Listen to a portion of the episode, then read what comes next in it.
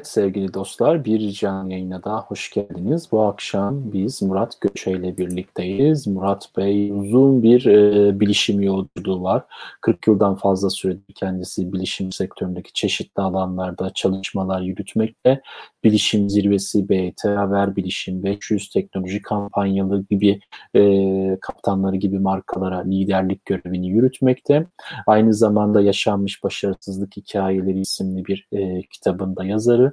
E, kendisi e, TÜBİDER Yönetim Kurulu üyeliği yapmaktadır aynı zamanda ve Bilgi Teknoloji Derneği'nin de yönetim kurulu başkanlığını yönetmekte. E, kendisi de bugün böyle tek bilişim alanında, teknoloji alanında doya doya bir sohbet yapmayı e, umut ediyoruz. İsterseniz her zaman olduğu gibi şu introyu bir döndürelim. Ondan sonra Murat Bey ile sohbetimize başlayalım.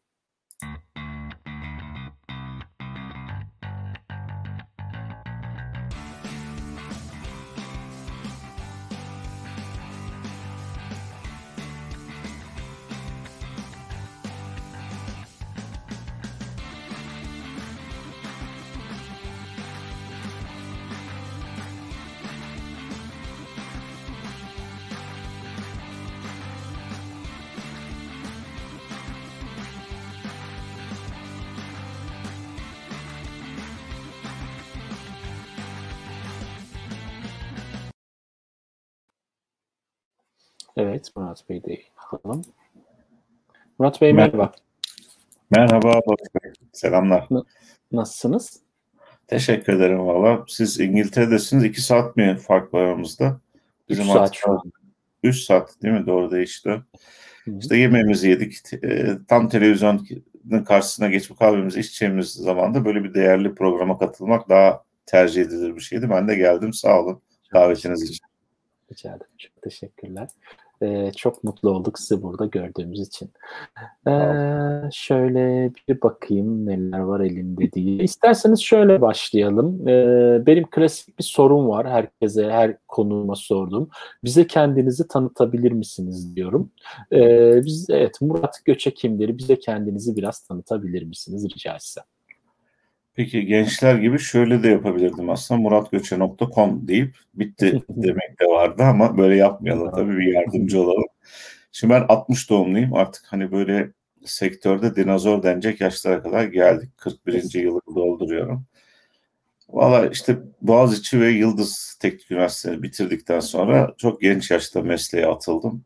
Atıldığımda 19 yaşındaydım. Yani bir zaman bir yandan da üniversite devam ediyordu çünkü akla gelebilecek bilişimle ilgili her işi yaptım. Yani teknisyenlik, muhasebe, gel götür, işte yazılımcılık, gerçi yazılımcı pek becerdiğim söylenemez ama işte departman müdürlüğü, şirket müdürlüğü, ülke müdürlüğü derken her mertebede çalıştım. İşte son yıllarda 2000 yılından sonra biraz security konularıyla, bilgi güvenliği konularıyla ilgilendim. 2013 yılında da bir şekilde bu gazetecilik yani BT Haber'le iç içe oldum. Sonra bir anda kendimi bu şirketlerin başında ve sahibi olarak buldum. Şu an evet gazetecilik yapıyorum ama gerçek bir gazeteci değilim. Arkadaşlarımın hakkında yemeyeyim. Galatasaraylıyım. İki çocuk babası e, babasıyım. iki tane erkek evlat babasıyım. Allah başlarsa. Evet.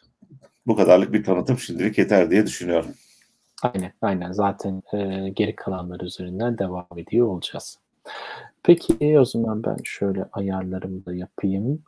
Ee, o zaman isterseniz yavaş yavaş böyle hani birazcık daha konuyu ısıtan sorularla e, devam edelim. E, hangisinden başlayalım? Bilgi Teknolojileri Derneği'nden başlayalım mı? Olur. Çünkü en son o zaten. Yani hani bu bütün çabaların sonundaki vardığım nokta Bilgi Teknolojileri Derneğimiz bir tek der. Hı hı. Şimdi burada şöyle bilgi vermekte fayda var. Ben daha önce hem TBD ve hem de TÜBİDER yönetim kurullarında da bulundum. Hatta bilgi, e, bilgi Güvenliği BGD Ankara Merkezi Bilgi Güvenliği Derneği'nde kurucularındanım. Çok dernekte bulundum. Yani hep amacım bilgilerimi aktarmak, sektörde diğer arkadaşlarıma destek vermekti. Bu derneklerimizin çoğu çok güzel işler yaptığını gördüm sağ olsunlar. Yani büyük emekleri var ama bir konuda eksik kalıyorlardı bana göre. Bunu da ben o derneklerde empoze etmeye çalışsam da başarılı olamadım. Neydi bu? Dernekler dernek için çok güzel şeyler yapıyorlar, ülke için çok güzel şeyler yapıyorlar ama üyelerini biraz ihmal ediyorlar. Yani üyeleri için çalışan dernek Türkiye'de az. Ben bilişim için konuşuyorum elbette. Ve dedim ki bir dernek kuralım ve sadece üyeleri için çalışsın. Yani bizim başka bir amacımız olmasın. Üyelerinin ne sorunu varsa onu çözelim. Birbirimize destek olmak amacıyla da işte bazen kariyer anlamında, bazen hukuki anlamda, bazen dostluk anlamında birbirimize destek olalım, eğitimler verelim ama hep üyeler çerçevesinde gidelim dedim ve bir tekleri kurduk. İyi de başladık. Güzel de bir ekibimiz var. Sağ olsun arkadaşlar beni yalnız bırakmadılar. Ve hemen sektöre bir anket yaptık. Dedik ki sektörün en önemli sorunu nedir? En çok gelen 10 tanesini seçtik. 10 tanenin içinde işte nitelikli personel eksikliği, bilgi güvenliği, ondan sonra farkındalık, iş çalışma şartları, koşullarındaki zorluklar gibi konular çıktı. Bunlar için gruplar oluşturduk. Her biri 10 ila 25 kişi arasında. Bir iki tane de 6 kişi var ama genelde 10 ila 25 kişi arasında çalıştay grupları oluşturuldu. Bu çalıştaylar 3 aydır çalışıyorlardı. İlk raporumuzu daha geçen gün yayınladık. Ee, çalışma koşulları ilgili.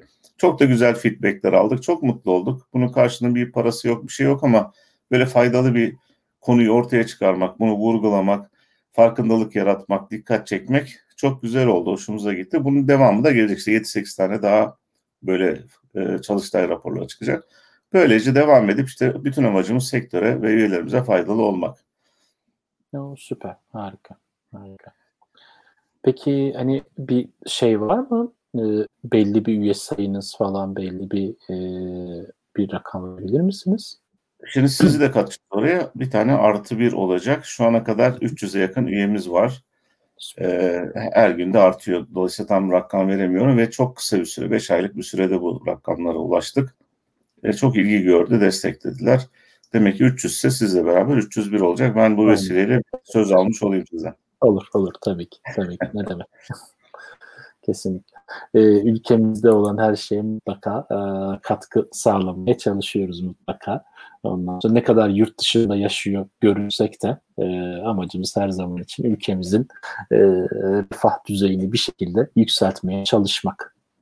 Peki Belli, yani gerçekten nasıl gözüküyor? Yani Türkiye'yi siz oradan hani ben de size sorayım şimdi siz bana sormayın benden de bir soru olsun. Olur. Hani derler ya oradan bakınca nasıl gözüküyor diye. Bilişim sektörü açısından elbette değerlendiriyoruz. Ne diyorsunuz? Yani burada biz geride miyiz yoksa aynı hızda bir şeylerimizi eksik yapıyoruz? Nedir? Ben sizce? Ee, şöyle söyleyeyim, şöyle söyleyeyim. Benim gördüğüm şu. Şimdi zamanında şöyle bir e, görüyorlardı Türkiye'yi. Ama Türkiye'de teknoloji mi üretiyor? Yani Türkiye'de teknoloji mi var? Hani öyle satın alınabilecek ya da uygulanabilecek bir teknoloji mi var? Bilgi birikim mi var teknoloji alanında falan gibi görüyorlardı. Çünkü e, özellikle İngiltere özelinde konuşursam onlar şeye alışmışlar. Hani Hindistan, Pakistan özellikle Hindistan'daki tamamen o mühendisleri kullanmaya, oradan işte ucuz iş gücünü kullanmaya falan alışık oldukları için birazcık öyle görüyorlardı. Ama bu e, son zamanda e, gördüğüm kadarıyla tabii işin içine de girince aktif bir şekilde burada hani e, insanlarla konuştukça Türkiye'nin farkına varmaya başladılar. Yani bir Türkiye'nin bir farkındalığı var. E, Türkiye'deki kiminle konuşursam konuşayım konu Türkiye'ye geldiği zaman, Türkiye'deki işlere geldiği zaman Türkiye'deki e, kişilerle çalışmaktan ya da Türklerle çalışmaktan memnun olduklarını söylüyorlar. Bilişim sektörü içinde konuşuyorum. Bilişim Çok sektöründe. Iyi. Türklerle çalışmaktan memnun olduklarını söylüyor. Çünkü yetişmiş kişilerin gerçekten hani alanında uzman olarak yetişmiş, kendini bilen, işini bilen kişiler olduğunu ifade ediyorlar. Hani e, birebir de benim yaptığım görüşmelerde bu, bu bunu direkt yani söyledikleri biliyorum. E, onun haricinde e, yavaş yavaş gördüğüm kadarıyla bizim e, ülkede şey anladı galiba. Hani bir marka oluşturmak, marka değeri oluşturmak aslında e, bazen ürünün ötesinde markalaşmak falan gibi konuların iyi olduğu sanıyorum ya da öyle olması gerektiği anlaşıldığı için Türkiye'de de markalaşmaya doğru gidiliyor. Yani ben e, benim birçok arkadaşım var Türkiye'de yazılım şirketi sahibi İngiltere'ye geldiklerinde işte bir şekilde görüşüyoruz diyoruz. Hepsinin mutlaka dolu bir ajandası oluyor.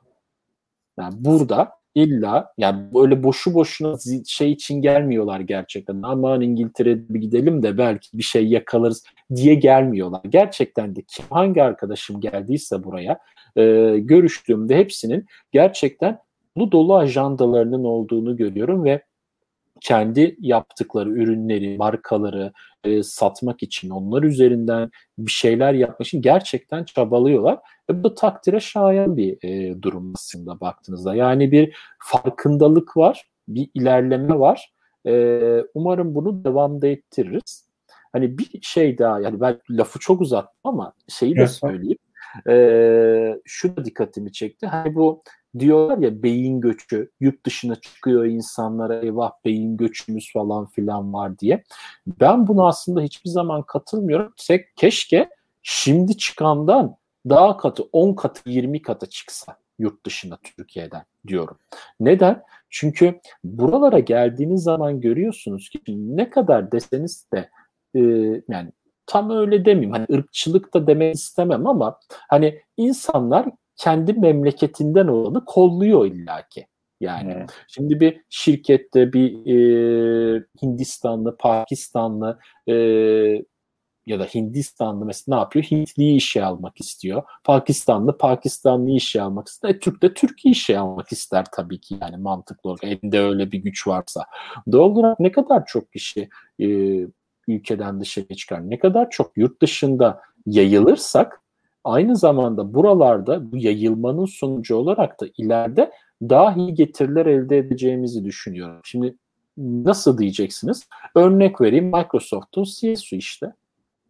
Yani daha şey var mı? Yani nerelerden nerelere geliyor? Google'ın içerisinde de çok üst düzeyde e, Hintliler var. Ne bileyim Microsoft'un CEO'su zaten öyle gibi gibi. Yani ne kadar çok yükselirse ülkemizden gelen insanlar bunlar aynı zamanda bizim de bir şeyleri başarabildiğimiz, bir yerlere gidebildiğimizin aslında göstergesi olacaktır diye düşünüyorum.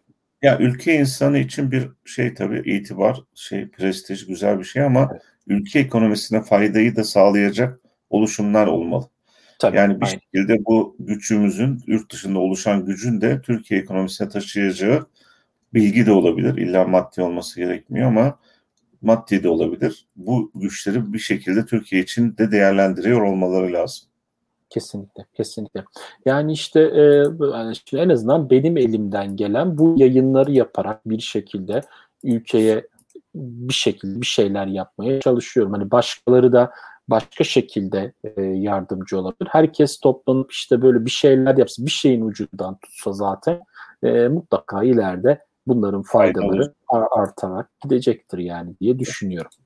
Son çok derece doğru. Hı hı. Yani bu konuda bu şekilde aslında. Ee, umarım cevap verebilmişim bir soruya. Evet, evet. Gayet güzel. Hı hı.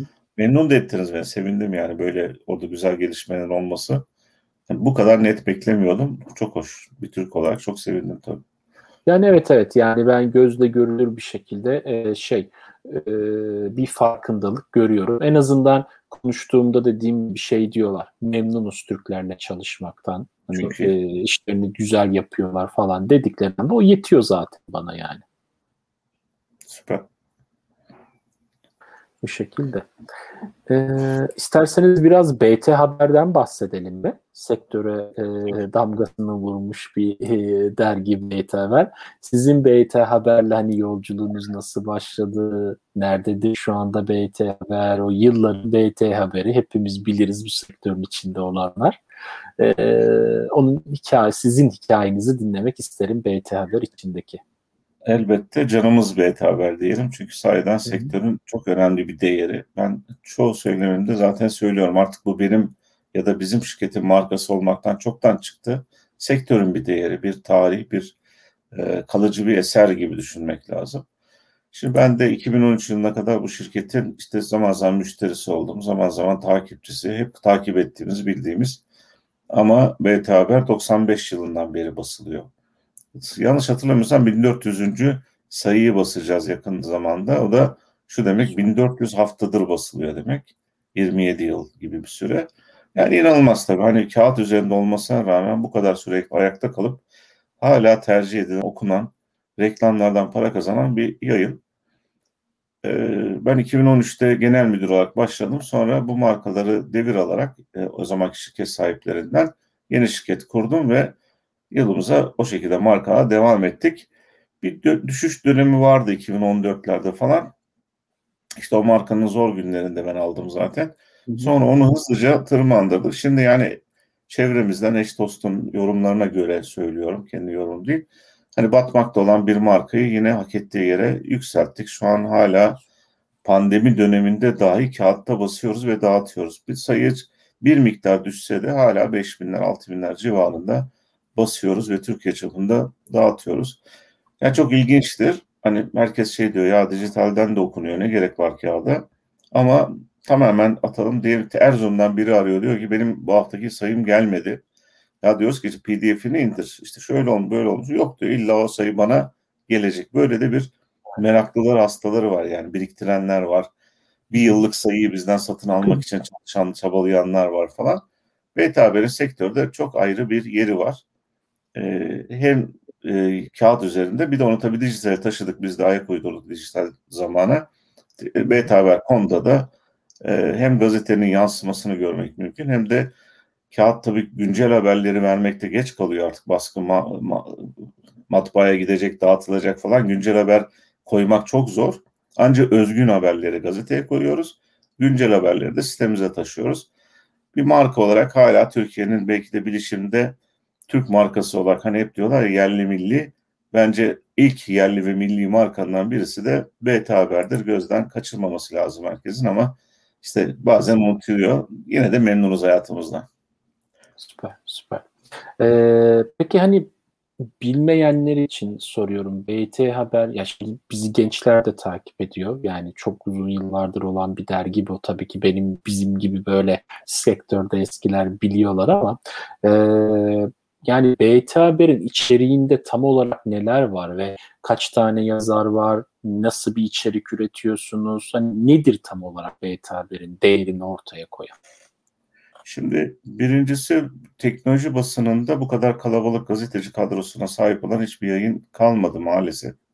Ya maalesef diyorum çünkü rekabet güzel şeydir ama bu anlamda rekabet edecek pek yayın kalmadı. Yani götüren hala bir iki tane çok değerli marka var ama onların da kadroları bize göre gazeteci sayısı açısından az.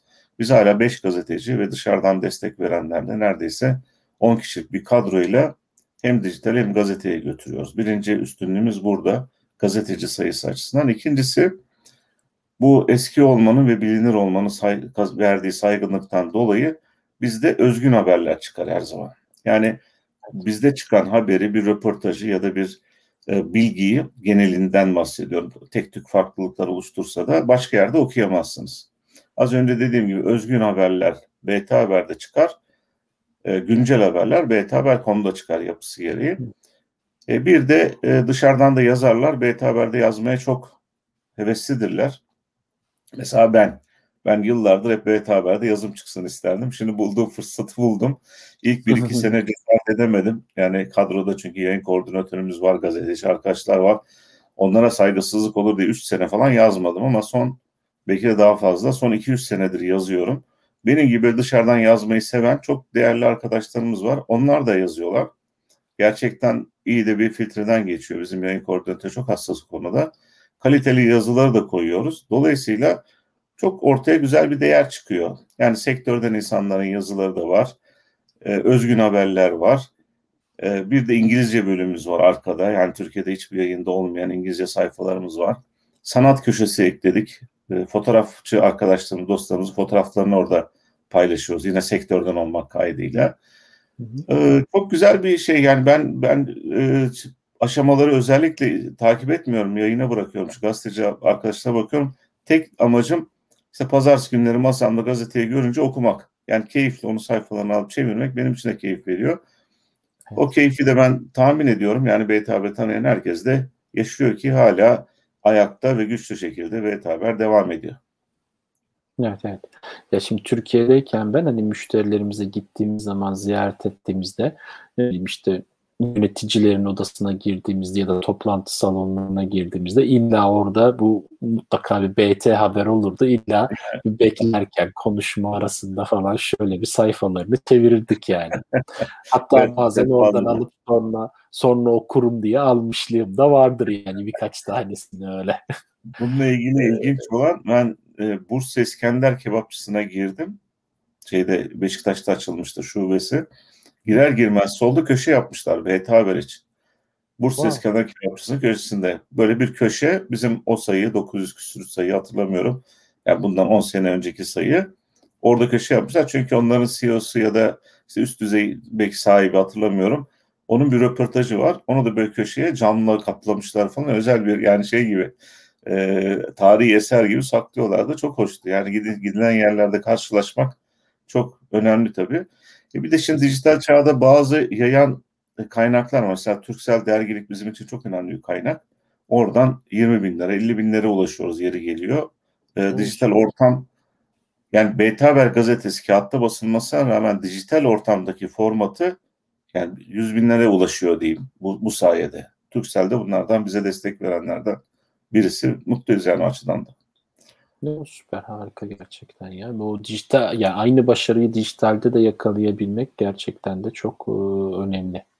Zaten baktığınızda hani gene e, orada ilginç bir durum var aslında. Benim dikkatimi çeker hep de yıllardır. Hani ana akım medyada en çok okunan gazeteler aynı zamanda webde de en çok okunan gazeteler oluyor ki BT Haber için de bu böyle. Yani bilişim sektöründe en çok okunan gazete ya da dergi olduğu için, içerik olduğu için şeyde de dijitalde de aynı şekilde. Böyle ilginç bir durum var. Yani insanlar iki şey, taraftan da izliyorlar. Şeyi ayırmakta fayda var. Diğer arkadaşlarımıza haksızlık olmasın. Bizim e, kitlemiz kurumsal kitle. Yani sokaktaki insandan ziyade kurumların bilgi işlem yöneticileri ya da e, bilişim firmalarının kendileri. Dolayısıyla kurumsal kesime hitap ediyoruz. Bizim mesela web sayfasının 10 katı fazla ziyaretçi alan bireysel kullanıcılara hitap eden siteler var. 10 katı belki 100 katı. Onlar işte cep telefonu paylaşıyor. Cep kutusu telefonu nasıl açılır? Sosyal medya paylaşımı falan filan. Şu on, onların sayısına baktığınız zaman bizde izleyici daha az tabii. Çünkü konumuz hitap ettiğimiz kesim farklı. Ama biz hep şeyi söylüyoruz bizim gazeteyi ve dijital ortamı takip edenler özellikle oraya gelen insanlar. Yani biz rastgele insanlar herhangi bir genç arkadaşım bthaber.com'a girmesi ihtimali çok zayıf. Tabii. Ama bilişimdeyse bu kişi e, bugün siz Microsoft'la çok yakın çalışıyorsunuz. Microsoft'la ilgili bir haberi okumak istiyorsa gideceği en doğru adres de bizim gibi kurumsal yayınlar oluyor. Ondan da en başında biz varız. Öyle de diğer arkadaşlar haksızlık olmasın. Yani sayılar ölçüldüğü zaman Yok, sayılar. daha fazla sayılarda e, web sayfası görüntülemesi alan arkadaşlarım var. Evet evet. Ama yani şeyi demek istemiştim işte yani basılı yayında en çok okunan gene şeyde de en çok okunan olabiliyor. Doğru. Yani dijital Doğru. ortamda da en çok okunan olabiliyor. Öyle ilginç bir istatistik var yani e, gözde görülür. E, bu da bu şekilde o zaman bu konuyu da böyle kapatabiliriz sanıyorum. Peki o zaman isterseniz şeye gelelim mi? Böyle değişik değişik ben aradan böyle gidiyorum. Hani sizin yaşamınızı hani böyle şey şey ele almaktansa böyle karışık e, gitmek Tabii daha ki. şey geliyor. Mesela şeyi bir konuşalım mı? Yaşanmış başarısızlık hikayeleri. Sanıyorum en ilgi çekici konulardan biri de bu olacaktır. Valla sanırım her e, fasil görmüş hani biraz kültürlü insanı gönlünde bir kitap yazmak vardır yani ben tahmin ediyorum tabii bilemem. Benim de gençliğimden beri hani böyle bir gün bir kitap yazsam, bir gün kitap yazsam diyordum ama uzmanı olduğum, böyle her şeyi anlatabileceğim bir konum yok. Yani ben her konudan bir şeyler öğrenmiş insanım. Dedim ya işte teknisyenlikte yaptım, mühendislikte yaptım, ülke müdürlüğü, şirketler işlettim, şirketleri batırdım, çıkardım. Hani her konuda bir şeyler konuşabilecek birisiyim ama atıyorum bir SQL kitabı yazamam ya da işte bir e, network kitabı yazamam ya da bir roman yazamam. Roman okumayı çok sevmem çünkü. Hep böyle araştırma kitapları okurum. Hı hı. Ya hep böyle içinde bir uhde vardı. Bir gün işte oturuyoruz arkadaşlarla. E, açılıyor konular işte kaç ne kadar şirket batırdın, niye batırdın falan. Birisi dedi ki ya bunu niye kitaba dökmüyorsun sen kardeşim? Böyle güzel bir hikayesi var bu işlerin. Evet ya dedim bunu ben anlatayım. Yani ne zaman neler yaşadım bir e, şey hayat, kariyer hayatımda. İki faydası olur. Benim yıllardır istediğim kitap yazma özentiliğimi yerine getirmiş olurum. Gerçekten söylüyorum. Özeniyordum yani. Çünkü bu kitabı bastıktan sonra hiç satış falan hiçbir yere satışa vermedik yani biz. Ben eşlere dosya veriyorum. Bir tek bizim şirketin web sayfasında var. Hiçbir yayıncıya da vermedik. Sırf bunu basabilmek için bilişim zirvesi şirketimizi yayın evi haline getirdik. Yani hiç kimseye muhtaç olmayalım. Ticaretimiz yok çünkü. Hevesimi gidereyim. İkincisi de sahiden dikkatli okuyanlar için bu bir edebi eser değil. Yani kalemi kötü olabilir, okuması kötü olabilir bilemiyorum. Çok beğenenler de oldu gerçi ama bu ders çıkarma kitabı. Yani bak şirk, iş, girişimciysen, konuları atlıyorsan böyle böyle sorunlar var. Bunları bunları yaşayabilirsin deyip dikkat etmeleri gereken bir el kitabı da ortaya çıkarmış oldum. İsmine gelince de şimdi başarı hikayeleri diye çok var biliyorsunuz. Herkesin bir başarı hikayesi vardır. Bu kitaplar çok yazar.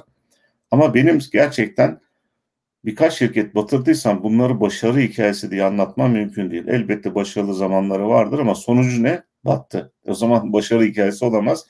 Dedi ki adını da başarısız hikayeleri koyalım. Ee, çok da güzel oldu. Ben yani hala zaman zaman kendim açıp okuyorum. Anılarımda kendim gülüyorum. Keşke şunu da yazsaydım dediğim çok pasaj var.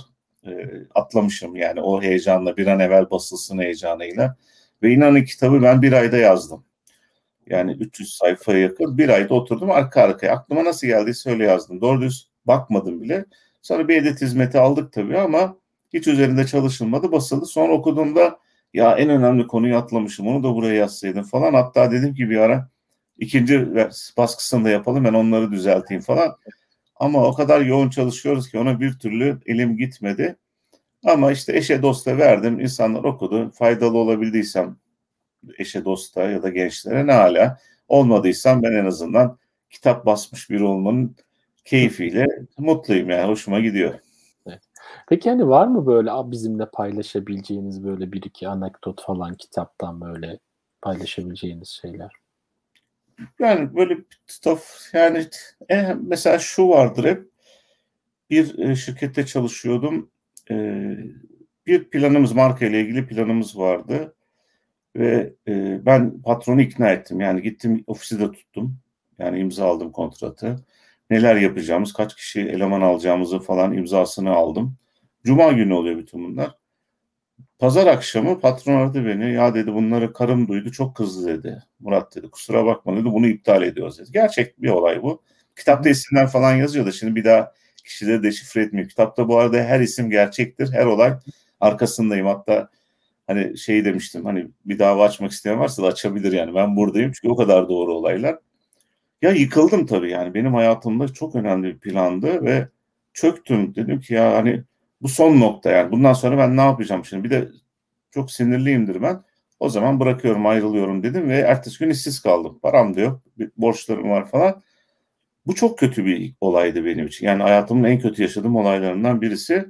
Ama ne oldu biliyor musun? Bu kötü sandığım olay benim için en iyi olaylardan birisiymiş. Çünkü marka, o satmaya düşündüğüm marka beni aradı. Hı hı. Dedi ki seni distribütör yapalım o firmayı dan alalım seni yapalım. Oo. Şimdi yani hayatta çok kötü gördüğümüz olaylar aslında iyi bir olayların başlangıcı. Hani bu dini inancı olanlar da bunu hep söylerler. Ama pratik hayatta baktığınız zaman da gerçekten de çok kötü sanırsınız. Yani dünyanın sonu sanırsınız ama aslında o çok güzel bir şeyin başlangıcıdır. Bu benim için belki de kitabın en önemli pasajlarından birisi diyebilirim bunu. Evet, evet ilginçmiş, ilginçmiş. Yani güzel bir hikaye. Tam hani e, battım derken böyle dibe vurdum derken aslında bir çıkış hikayesi olmuş. Ve iyi de bir çıkış oldu. Yani ondan sonra bayağı bir başarılı bir süreç de var yani iyi para kazandım, iyi bir süreç. Yani sıfır eksilerden böyle bir gecede eksiye düşüp sonra bir anda çok yükseklere çıkmayı da yaşadım yani. Evet, çok güzel, çok güzel. Umarız hep e, yükseklerde olur. Yani tekrar o ha, Teşekkür yani. ederim eksik olma. Mehmet Haber öyle şu an inşallah bozulmasın ve yeter bize. Evet, ee, evet. Desteğiniz için sağ olun. Peki o zaman şeylerden bahsedelim birazcık. Ee, bu bilişim zirvesi, bilişim 500 ondan sonra teknoloji kampa, kaptanları gibi bir takım markalar var. Hani böyle sırasıyla bahsedersek e, böyle hani tam sırasında bilmiyorum gerçi. İlk önce bilişim zirvesi mi geliyor, sonra bilişim 500 mü geliyor? Hani e, sıralamasıyla bahsederken onların hikayeleri nedir? Valla şimdi benim devraldığım e, şirketin sahipleri çok vizyoner insanlarmış. Yani şu an e, ne yapıyorlar falan çok bilgim yok ama bundan işte 90'lı yıllarda bilişim zirvesini önce kuruyorlar. Yani bu bütün etkin e, firmaların beraber katıldıkları büyük bir dijital şey o zamanlar fiziksel bir etkinlik düşünün. Evet. Aynı Almanya'daki Sebit Fuarı benzeri. Evet. Zaten bir süre sonra Sebit'le ortak da yapılmış Türkiye'de. Tabii. Acayip vizyoner bir görüş. Sonra bu şeyin e, etkinliğin duyurularını yapmak için bir mecra arıyorlar. Diyorlar ki bir tane dergi çıkartalım. Ne olsun? Bunun adı Beta Haber olsun. İkisi birden aynı zamanda çıkıyor. Ama bir süre sonra bakıyorlar ki Beta Haber bilişim zirvesi kadar da ilgi görüyor insanlar tarafından falan. O da ayrı bir koldan yürüyorlar. Ve bilişim zirvesi o yıldan bu yıla kadar 22 kere 21 kere yapıldı. 22'sini bu sene yapacağız. Beta Haber de işte 27 yıldır e, devam ediyor. Bilişim zirvesinin önceki isimleri farklı çünkü. Bilişim e, dünyası ya da ona benzer isimler. Yani aslında bilişim zirvesi Beta Haber'den daha eski ama o zamanlar isimleri farklı. Onun için kafa karışabilir. O 22, bu 27 nasıl oluyordu? Zirve daha eski. O günlerden bugünlere geliyor. Hatta bir ara bilişim zirvesini Almanlarla e, şey Hannover Fairs firmasıyla ortak yapılıyor. Sonra işte 2010'da ayrıldıktan sonra Hannover Fairs Türkiye'de çok bu işi başarıyla bitiremedi, devam ettiremedi. 2015'te de bitti. O dönemlerde o fuarla beraber yapılan konferansta bilişim zirvesi adıyla devam etti. Ben de işte 2013'te bu şirketi devraldığımda, daha doğrusu markada devraldığımda bu bilişim zirvesi markasını da devraldım. O da yerlerde sürünüyordu o dönemde. Çok klasiktir böyle. Ben hani çok kötüydü aldım yükselttim diyorum. Hani ne olur böyle şey olmasın tamamen gerçeği yansıtmak adına söylüyorum. Zaten sektördeki herkes de bilir yani. Ya biliyoruz biliyoruz. Ben çok iyi biliyorum çünkü bilişim zirvesine gitmek için biz hani şey e, o dönemlerde lisede okuduğum dönemde arkadaşlarla toplanıp giderdik. Üniversitedeyken arkadaşlarla toplanıp giderdik yani. E, o yüzden biliyorum o hızlı, güzel günlerini, düşüş yaşadığı günleri falan ben kendim bizzat biliyorum zaten. Süper. İşte o 2015'ten sonra ekipten bir kısmı benle yoluna devam etti sağ olsun. Ekibe başka takviyeler de aldık. Şimdi hala Türkiye'nin sayılı etkinlikleri arasında bu sene geçen sene dijital yaptık da bu pandemiden ötürü. Bu sene biraz hibrit yapacağız. Böyle dijital ve fiziksel karışık. Buna da fijital diyorlarmış bilmiyorum. Ee, yani, İngiltere'de bu konuşuluyor mu? Fijital diye bir kavram var. Yok hiç duymadım. Duymadım. Biz onu biraz push etmeye çalışıyoruz. Fijital yapacağız diye. Bakalım ne algılanacak onu da göreceğiz. Ee, dediğim gibi bu bilişim 500'de aslında aynı yıllarda yani zirveyle beraber başlayan bir şey. Yine bu ekibin vizyoner yaklaşımlarından birisi. Ee, o da hala popülerliğini koruyor. Yani bizim üç tane temel işimiz var. Bilişim zirvesi, Beta Haber, Bilişim 500. Bunlar bizim amiral gemilerimiz. Bilişim 500'de de işte sektörden firmaların cari bilgilerini topluyoruz ciro bilgilerinin ağırlıklı. Bunları da değişik kategorilerde sıralandırıyoruz. Geçen sene 65 tane kategoride sıralandırdık. İşte atıyorum en iyi işletim sistemi yazarları, işte en iyi yapay zeka yazılımları, en iyi güvenlik donanımları gibi. Ama bu ciro bazında bir araştırma. Yine de Türkiye'nin şu an elinde bulunan tek düzgün en sağlıklı araştırma. Çünkü evet bütün e, araştırma rakamlarını resmi evraklar üzerinden götürüyoruz. Yani beyanla ya da herhangi birisinin isteği doğrultusunda değil. Biz KDV beyannamelerini alıp onları sıraya sokuyoruz. E, ve bunu da yayınlıyoruz. Bir törenle de bunu yayınlıyoruz. Geçen sene onu da dijital yaptık. Bu sene fijital yapacağız efendim. Fij, fijital. Ben de yeni yeni alışmaya çalışıyorum böyle. E, şeyi de sordunuz. Teknoloji kaptanları da var. Bu da bizim son dört yılda bizim yeni projelerimizden bir sonrakinde de pazarlama kaptanları yaptık. Buradaki amaç şimdi bir sürü yeni firmalar var, gençlerimiz var, teknokentlerde çalışan genç arkadaşlar zehir zemberek yani bir kısmı da İngiltere'sin yanınıza geliyordur. Hatta siz de biraz anlatın o gelen yeni gençlerin ne kadar parlak olduğunu.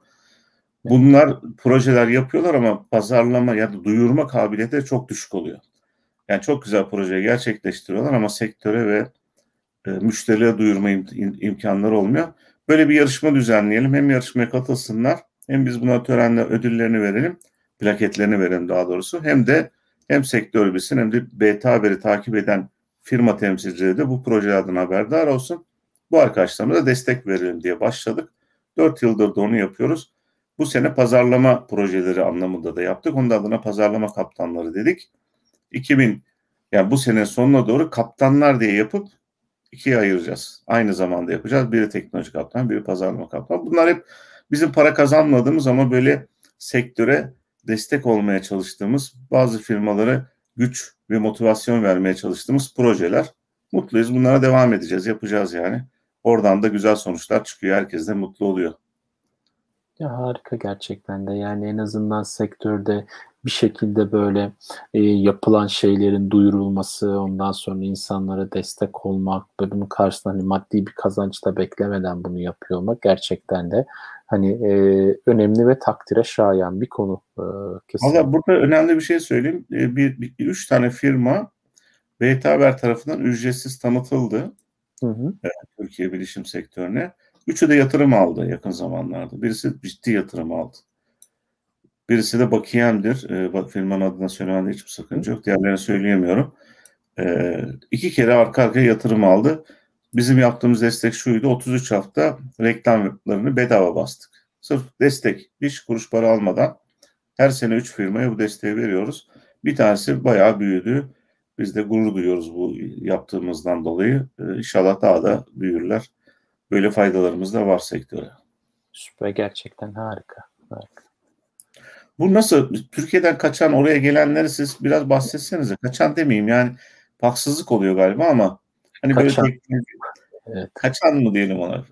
Yok kaçan demeyelim ya. Demeyelim. Peki orayı tercih eden genç arkadaşlarımız var. Zehir Zemberek burada. Hepsini ben bir kısmını biliyorum. Ama hepsinin Zehir Zemberek olduğunu tahmin ediyorum. Nasıl orada başarılı oluyorlar mı? Nasıl? Algı nasıl? Yani e, nasıl ifade edeyim? Evet yani herkes kendi yaptığı iş kolunda işte bir e, kendince şeyi var ne derler ona kendini tutturabiliyor bir şekilde. Yani burada önemli olan insanların nasıl geldiği. Şimdi bir startupları var bir ürünle mi buraya geliyorlar yoksa onlar bireysel olarak kendi iş güçlerini mi ortaya koymak için evet. geliyorlar. Şimdi iki tane olay var burada. Evet. Ee, ikisinin de kendi içinde ayrı ayrı e, kazananları var, kaybedenleri var diyeyim. Ama, Ama gördüğüm... startup tarafını ben sordum. Az önce hani bireysel gelenleri konuşmuştuk zaten. Evet. Belli bir güzel gidişat vardı orada. Startup anlamındakileri biraz startup değerli. anlamında da startuplar da gördüğüm kadarıyla hani öyle şey gelmiyorlar. Dediğim gibi boş gelmiyorlar. Ee, illa daha önceden araştırmalarını yapmış oluyorlar. Belli bir çevreye hani erişmiş oluyorlar. Orada e, belli bir belli bir kitleyle zaten önceden görüştükten sonra buraya yani şunu ben görmüyorum haldır olur hadi bugün e, canım istedi İngiltere'ye gideyim de orada bir tane e, birileriyle tanışırsam hani şeklinde hmm. e, öyle geleni ben pek görmüyorum. Herkes gerçekten ciddi ciddi araştırma yapıyor. Ben diyor bu böyle böyle işte buralara gideceğim, buralarda bu kişilerle görüşeceğim, böyle böyle işte satış fırsatlarım var. E, kesinlikle herkes şey yapmaya çalışıyor. Yani aklı başında olan insanlar şey değil ne derler ona öyle parasını ve zamanını boşa harcamıyor işin açıkçası gördüğüm bu. O zaman tavsiye de edilebilir değil mi? Oraya gelmeyi düşünenler cebinde planı olmadan sakın yola çıkmasınlar. Önce dilini araştırsın, öğrensin, öyle gelsin. Tabii ki tabii ki. Tabii ki. Yani burada önemli olan nokta bu. Hatta bireysel de böyle. Yani şimdi ben daha önceki yaptığım programlarda şeyleri de konuk ettim. İşe alım süreçlerindeki uzmanları konuk ettim. Hani yurt içi, yurt dışı ondan sonra e, işe alım uzmanları falan da programa katıldılar. Orada da söylediğimiz bir şey vardı. Yani bir ülkeden başka bir ülkeye gidecekseniz ilk önce bir araştırma yapın. Orada havası nasıl, suyu nasıl, nereye yerleşilir, ne kadar para harcanır, ne yapılır, ne edilir, orada kimlerle tanışılır, insanlar hangi gruplardan birbirleriyle tanışıyorlar, nasıl bağlantı kuruyorlar. Yani birilerine mutlaka hani dünya artık çok küçük bu iletişim anlamında. Hani bunun Facebook'u var, Twitter'ı var, Instagram'ı var, LinkedIn'i var, bilmem nesi var. İlla oralarda olmuş olan birilerine cevap attığınızda ya herkesin de cevap verecek diye de bir şey yok. İnsanların sonuç itibariyle bazı işi gücü oluyor cevap da veremiyor ama yani 10 kişiden 3'ü cevap verse gene 3 tane cevap olur elinizde evet. yani bir konuyla alakalı. Hayır bırakın turist olarak gidince bile bunun benzerini yapmak varken hani e, böyle iş için bir önemli bir hayat değişikliği için önceden araştırmadan, öğrenmeden gitmek çok akıl kârı değil gibi gözüküyor. Kesinlikle öyle, kesinlikle öyle. Yani bu önemli bir konu. Turist bile gideceğimiz zaman zaten bir yerde nerede kalacağız, otel nerede olacak, etrafında hani e, neler var, nereye yürüyerek giderim, nereye metro ile arabayla giderim evet, falan. Evet. Onları araştırıyoruz yani. Doğal olarak kesinlikle. Yani ülke değiştirmek e, çocuk oyuncağı olan bir konu. Çocuk oyuncağı değil. Ne güzel. Çocuk oyuncağı. E, bu da bu şekilde. Peki o zaman sizin böyle bir bir takım yazdığınız yazılarınız da var, makaleleriniz de var web sitenizde mesela bakıyorum bunlara. Bunlar içerisinde hani böyle ilginç olanlar e, internet yoksuluyuz diye bir tane makale var mesela. Burada ciddi ciddi herhalde bir araştırma var gördüğüm kadarıyla. Her ülkede yapılan işte e, mesela bakıyorum e, Güney Kore'de 112 megabit mobilden, Singapur'da 218 megabit kabloludan alırken ülkemizde 36.54, kablolu da 27.95 gibi rakamlar var. Yani buradaki yazıyı okuduğumda ben e, Türkiye'deki internetin diğer ülkelerle kıyaslandığında 2-3 kat daha aşağıdaki hızlarda seyrettiğini görüyorum bu yazıya baktığım zaman.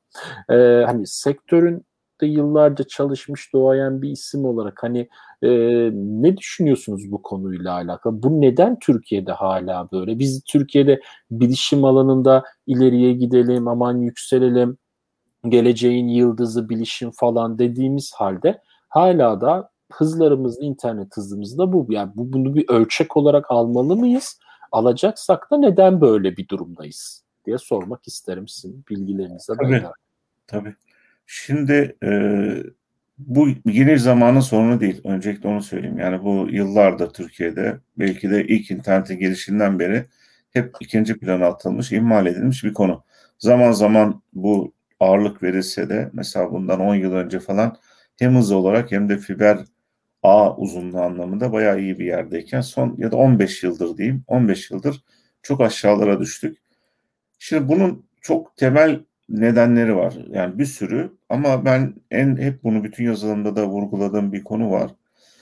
Diyorum ki ve biz bu arada 2023 yılında da Cumhurbaşkanı tarafından bilişim ülkesi olma hedefiyle e, belirlendi. Yani 2023 yılında biz bilişim ülkesi olacağız denildi. Şurada ne kaldı? İki, iki yıllık bir süremiz var. Tabii çok uzağız yani bilişim ülkesi olmaktan e, ucundan bile yakalayamayız. Hedef çok güzeldi, çok mantıklıydı. Ama bu hedefi oluşturacak adımlar Türkiye'de maalesef atılamıyor. Yani bilişimle tanıştığımız yıllardan başlayan bir sorun bu. Nedir en büyük sorun? Bütün dünyada bilişim dersleri ta ilkokul müfredatından belki öncesinden işte kodlama şubuyla başlarken orta ve liselerde de bu mecburi dersler halinde okutulurken ülkemizde bilişim dersleri mecburi ders olmaktan çıkarıldı. Şu an bizim müfredatta bilişim dersi yok. Yani çocuklarımız bilişimle ancak merak ederlerse, ilgilenirlerse öğreniyorlar. Halbuki diğer yandan diyebiliyoruz ki biz 2023 yılında bilişim ülkesi olacağız. Bir. ikincisi artık yaşam bilişimsiz olması mümkün değil. Yani benim şöyle bir iddiam var. Bilişim ileride bir meslek olmaktan da çıkacak. Yani o kadar default, o kadar varsayılan bir özellik olacak ki her şeyin temelinde bilişim oluyor. Yani elektrik gibi. Yani e, bilişim tam elektrik mühendisi hala var. Bilişim mühendisi de olacaktır tabii. Bu anlamda demiyorum ama bir özel bir dal olmaktan çıkacak. Yani şimdiki gibi değil. Ne olacak? İşte yapay zeka, işte şu bu o tür şeyler derin öğrenme falan konuları olabilir. Aynı doktorluktaki gibi çünkü doktor bir doktor diyemezsiniz. Doktorların alt branşları var. Tek başına doktor bir şey ifade etmez. Pratisyen doktordur. Bilişimde de o kadar dallara ayrıldık ki bunlar konuşulacak. Yani bilişim uzmanı diye bir laf olmayacak. Şimdi böyle bir tespitler var. Bunu ben kendim söyleyebiliyorum. Devlet büyüklerimiz 30 yıldır, 40 yıldır başımızdakiler benden bu konuda çok daha iyi biliyorlar. Peki ne yaptılar diye baktığımızda ortalıkta ne fibere yeterli yatırım var ne de e, bilişim dersleri gibi önemli bir konuya ülkede yatırım var. Maalesef ihmal ediliyor ikisi de. Fiber için Türk Telekom bir şeyler yapmaya çalışıyor. Turkcell'in atakları var. Vodafone hiçbir şey yapmıyor. Devlet bunları bir araya getirip hep beraber proje yapalım diye üretemiyor. Bunun her şeyin beşiğinde fiber var çünkü fiber olmadan bilişim olmaz. Yani hızlı bir bilişim olmaz. Ve 5G diyorlar. Mesela fiber olmadan 5G asla olmayacak. Dolayısıyla Türkiye'de 5G'nin girişini ben yani çok kötümser bir konuşma olacak belki ama 5 seneden evvel görmüyorum. Mümkün değil yani. Bu fiber olmadan mümkün değil. Şimdi böyle bir ortamda bu kadar az fiber varken internet hızlarının yüksek olma ihtimali zaten yok. E, arz düşük, talep çoksa da e, fiyatların yüksek olması normal. Türkiye'de hem internet yavaş hem de yurt dışına göre pahalı bir internet kullanıyoruz. Bunu da ben dilim döndüğünce, bilgim yettiğince yazılarımda vurgulamaya çalışıyorum. O da onlardan birisi olsa gerek ama tek o değildir. Fırsat buldukça bu konuya dokunduğum doğrudur. Evet. Evet, bunun gibi mesela mesela hani başka bir konumuz daha var. Ee, mesela son sorum olsun size isterseniz bu da. Bugün Tabii ki. Kapatmadan önce. Hazır konumuzda salgın olduğunda salda ben neler öğrendim başlıklı bir yazınız var. Hani burada demişsiniz ki e, çok şeyin farkına vardık. Hani e, hiçbirinin bu dünyada garantisi yok gibi. Ondan sonra devletin böyle günler için ayırdığı yedek akçesinin olmadığı ortaya çıktığı gibi. Yani devletlerin daha doğrusu bir sürü devlette bu ortaya çıktı. Ondan sonra e, herhangi bir hani kenarda bir birikimin ne kadar önemli olduğu ortaya çıktı. Ondan sonra e, bu taşımayabilmenin riski nedeniyle araç gereksinimi arttı ama arabanın marka modeli daha önemli şeylerin olduğunu anladık. Ondan sonra sosyal ağlar ve genel anlamda internet nedeniyle e, ondan sonra uzun zamandır görüşemediğimiz kişilerle görüşebilir hale geldik. Etkinlikler dijitalde gayet güzel yapılabiliyormuş bunu gördük. Gibi gibi gibi gibi hani böyle sıralamış mısınız? Var mı böyle bize söylemek istediğiniz bir şey bu konuyla alakalı? Yani Covid bize neler öğretti diye baktığımız zaman. Valla tabii ben şeylere olumsuzlukla da biraz olumlu penceresinden bakmayı seven birisiyim. Yani tarz olarak da öyle. Elbette bu Covid salgını pandemi dünyanın gelebilecek en büyük başına gelebilecek felaketlerden bir tanesi. Bunun övülecek, beğenilecek, sevilecek bir tarafı yok ama bu madem ki gerçekleşti bundan da artı değerler neler kazanılabilir diye düşündüğümde bir sürü konuya e, rastladık. Mesela kıyafet ofise gidemiyoruz. Genellikle evlerde geçiriyoruz. Ben dolaplarda bir sürü kıyafetlerimi görüyorum. Bu ya daha doğrusu şöyle başlayayım ben konuya.